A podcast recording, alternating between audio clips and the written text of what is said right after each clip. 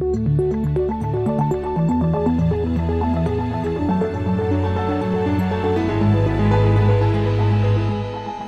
This Morning.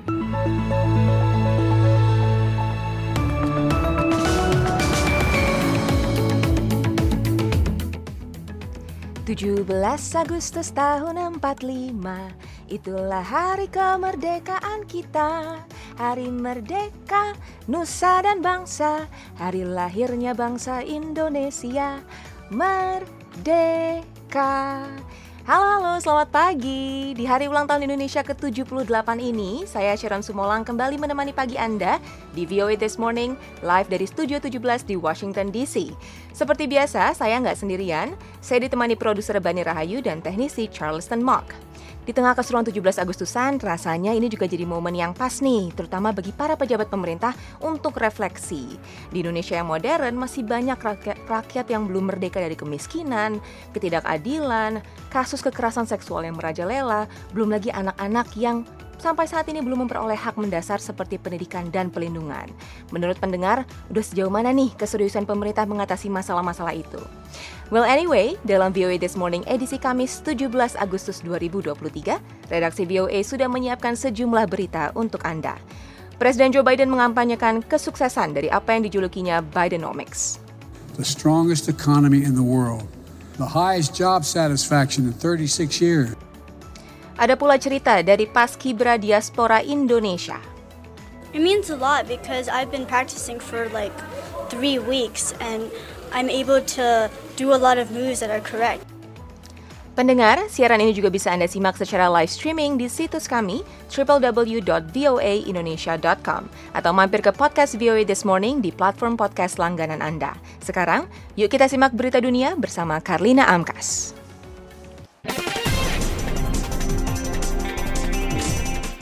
Amerika Rabu menerapkan sanksi pada tiga entitas yang dituduh terkait kesepakatan senjata antara Korea Utara dan Rusia, sementara Amerika menindak mereka yang berusaha mendukung perang Rusia di Ukraina. Departemen Keuangan Amerika dalam pernyataan mengatakan bahwa Rusia semakin dipaksa untuk beralih ke Korea Utara dan sekutu lain untuk mempertahankan perangnya di Ukraina, sementara negara itu menggunakan amunisi dan kehilangan peralatan berat di medan perang. Itu adalah tindakan terbaru Amerika yang telah menerapkan rangkaian sanksi yang menarget Rusia dan Presiden Vladimir Putin sejak perang dimulai. Perang itu telah menewaskan puluhan ribu orang dan mengubah kota menjadi puing-puing. Presiden Joe Biden dan ibu negara Amerika Jill Biden berencana ke Maui Senin untuk meninjau, meninjau langsung kehancuran akibat kebakaran hutan pekan lalu. Gedung Putih mengumumkan Rabu, Presiden dan Ibu Negara berencana bertemu penyintas kebakaran paling dahsyat di Amerika dalam lebih dari satu abad, kata Gedung Putih. Mereka juga akan bertemu tim tanggap bencana serta pejabat-pejabat federal, negara bagian, dan lokal. Jill and I are going to travel to Hawaii as soon as we can. Make sure we got everything they need. Saya ingin datang dan memastikan kita mempunyai semua yang mereka butuhkan, kata Biden Selasa. Namun ia menyatakan ia tidak ingin menghalangi upaya untuk menemukan lebih banyak korban. Sebagian penduduk Maui mengeluh bahwa pemerintah nasional lamban dalam membantu upaya pemulihan. Tetapi Gedung Putih mengatakan Biden terus mengerahkan semua tanggapan pemerintah ke kebakaran Maui yang mematikan. Dalam wawancara Rabu, Gubernur Josh Green mengumumkan jumlah korban tewas yang dikonfirmasi telah naik. Uh, we are progressing with recovery. 106 fatalities as of last night. Kami sedang dalam proses pemulihan, 106 kematian sampai tadi malam, kata Green. Dalam wawancara televisi ABC, Good Morning America, ia ditanya kapan orang bisa kembali dan menyurvei kerusakan di rumah mereka. Ia menjawab bahwa ia memberi perintah untuk membuka jalan tadi malam guna memungkinkan orang bebas mengemudi dari pukul 6 pagi sampai pukul 10 malam. Dia mengatakan tim tanggap Garda Nasional menjaga kawasan tersebut supaya tidak ada yang masuk ke lokasi yang terimbas. Jalan yang terbuka itu hanya untuk mereka yang menurunkan bantuan darurat dan orang yang tinggal di daerah yang terkena dampak.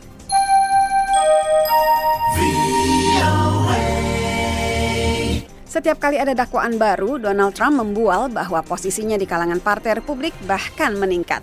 Hasil jajak pendapat terbaru dari Associated Press NORC Center for Public Affairs Research menunjukkan hampir 2 per 3 anggota Partai Republik, 63 persen, kini mengatakan ingin mantan presiden itu mencalonkan diri lagi. Angka itu naik sedikit dari 55 persen yang mengatakan hal yang sama pada April ketika Trump mulai menghadapi rangkaian tuntutan pidana.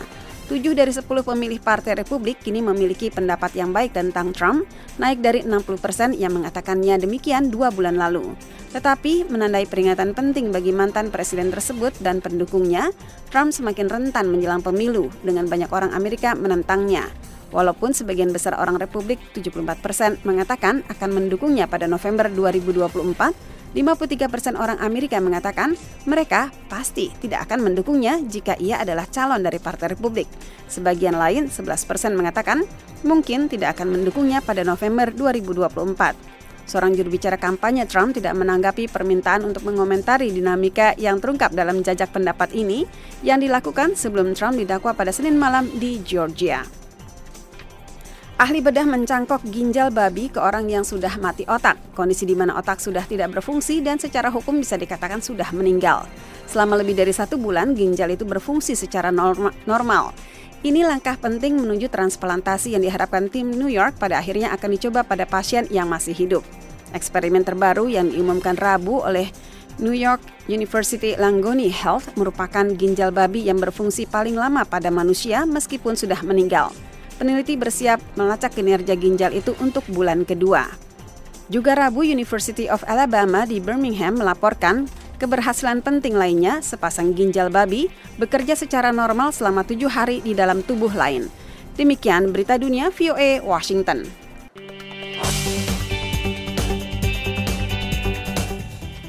Setahun setelah berhasil meloloskan Inflation Reduction Act atau UU pengurangan inflasi, Presiden Joe Biden mengkampanyekan kesuksesan dari apa yang dijulukinya Bidenomics. Tetapi meski meraih kemenangan legislatif dan membaiknya kinerja ekonomi Amerika, Presiden tetap tidak populer dalam polling terbaru. Berikut laporan yang disusun Patsy Widakuswara. Harga-harga masih tetap tinggi di supermarket-supermarket Amerika tetapi tingkat inflasi sudah turun dari tahun lalu. Pengangguran mencapai titik terendah pada 3,5 persen sementara gaji naik. Kata Presiden Biden, perbaikan ekonomi ini disebabkan oleh Bidenomics. The strongest economy in the world the highest job satisfaction in 36 years. Ekonomi yang paling kuat di dunia, kepuasan dengan lapangan pekerjaan tertinggi dalam 36 tahun, laju inflasi kita telah turun ke tingkat terendah di antara ekonomi negara-negara maju. Tetapi kebanyakan warga Amerika tidak melihat hal itu paling tidak berdasarkan polling terbaru Ipsos. 56 persen warga Amerika tidak setuju dengan penanganan ekonomi oleh Biden. 69 persen termasuk lebih dari setengahnya Demokrat mengatakan ekonomi kini lebih buruk dari lima tahun yang lalu. Mallory Newall adalah wakil presiden untuk hubungan masyarakat di Ipsos the president isn't really able to connect with people to communicate some big legislative wins. Presiden tidak mampu menciptakan koneksi dengan warga, mengkomunikasikan kemenangan legislatifnya seperti undang-undang pengurangan inflasi ini. Ada yang terputus di sini.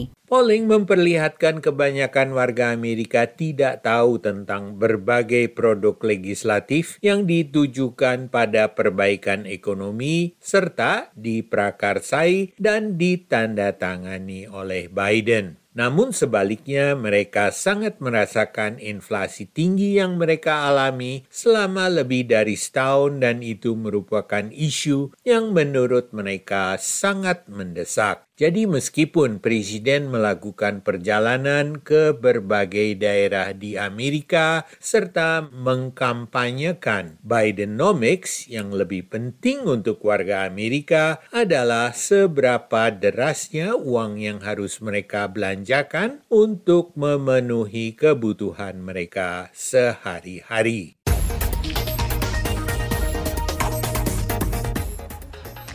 Dakwaan keempat mantan Presiden Amerika Serikat Donald Trump atas dugaan berupaya membatalkan hasil pemilihan presiden 2020 terus memicu reaksi beragam di seluruh negeri. Dakwaan Dewan Juri Georgia sebanyak 41 butir diumumkan Senin malam, sementara pengacara Trump menanggapi dengan menyebut dakwaan itu tidak diragukan lagi cacat dan tidak konstitusional. Demikian pula seluruh prosesnya. Di jalan-jalan Arlington, Virginia, di seberang sungai Potomac dari ibu kota Amerika, reaksi beragam terhadap permasalahan hukum Trump yang terbaru ini. Melissa Frey mengatakan, I think that he's not good for the country in a lot of ways and Trump dalam banyak hal tidak baik bagi negara ini, dan saya harap hukumannya memberi tekanannya cukup besar untuk membuat dirinya gentar mencalonkan diri menjadi presiden atau menjadi presiden lagi. Maksud saya, ia harus dituntut bertanggung-jawaban atas tindakannya dan kerusakan yang telah diciptakannya. Reaksi lainnya disampaikan Jesse Hernandez. Um, I don't really pay much attention to them because I just have more important things in my life going on right now. Saya tidak perlu memperhatikan masalah ini karena saya punya hal-hal yang lebih penting dalam hidup saya, melebihi dari mantan presiden yang bermasalah di kota-kota di mana saya tidak tinggal. Jadi saya benar-benar tidak peduli dengan dia. Yelin Rodriguez meragukan dampak dakwaan ini pada pendukung Trump. I think that the people who support him are not going to take them seriously. Saya kira orang-orang yang mendukungnya tidak akan menanggapi dengan serius dakwaan-dakwaan itu. Saya kira tidak akan berdampak apa pun pada kampanyenya atau yang lain-lain, karena orang yang sudah mendukungnya tetap mendukungnya. Dan saya berpikir secara sangat radikal bahwa mereka hanya ingin melihat aspek-aspek tertentu saja, bukan secara keseluruhan. Sementara warga lainnya, Darin Marshall mengatakan, District attorneys in any of these counties has what it takes Penuntut distrik di County Fulton ini memiliki kewenangan yang diperlukan untuk menindak seseorang yang melanggar hukum, tetapi dia akan lolos dari apa yang dilakukannya. Semua hal yang diputuskan bersalah, semua yang didakwakan, segala hal yang dituduhkan telah dilakukannya. Para pemimpin Partai Demokrat menggambarkan dakwaan terbaru Trump menunjukkan bahwa tidak ada seorang warga pun yang kebal hukum. Sementara para tokoh Partai Republik mengatakan dakwaan-dakwaan itu adalah tindakan bermotivasi politik terhadap kandidat utama dalam pemilu 2024. Trump dan 18 orang lainnya yang disebutkan dalam dakwaan itu memiliki waktu hingga 25 Agustus untuk menyerahkan diri kepada pihak berwenang di Georgia. Penuntut distrik Fulton mendesak agar sidang gabungan dilakukan sekitar enam bulan mendatang pada saat musim kampanye presiden. Saya Madioni, VOA.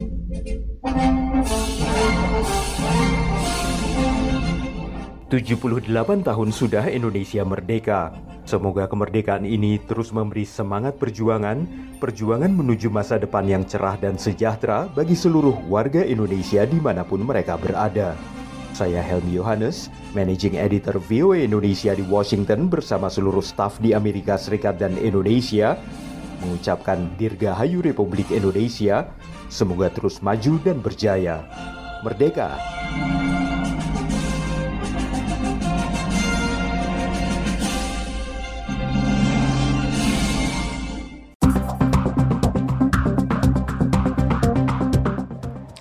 Sebanyak 31 anggota Paskibra Diaspora Indonesia terpilih untuk mengibarkan sang saka merah putih pada peringatan Hari Kemerdekaan Republik Indonesia ke-78. Meski hidup jauh dari tanah air, para diaspora pengibar bendera tak kehilangan identitas mereka. Tegak, maju, jalan. Panas terik mengiringi derap langkah pasukan pengibar bendera atau Paskibra di lapangan Wisma Indonesia, rumah dinas Duta Besar RI di Washington DC. Peluh yang membasahi wajah dan seragam putih mereka tidak melunturkan semangat untuk menyelesaikan prosesi gladi bersih menjelang upacara peringatan Hari Kemerdekaan RI ke-78.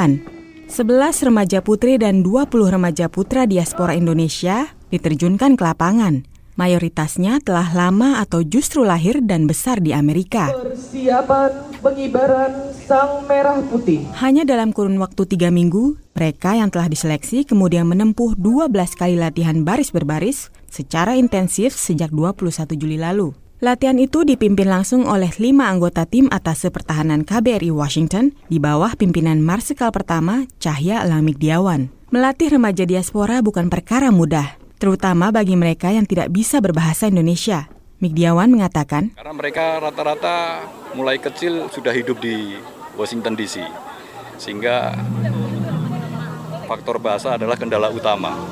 Sehingga kita harus melatih mulai dari aba-aba yang paling dasar, Mbak.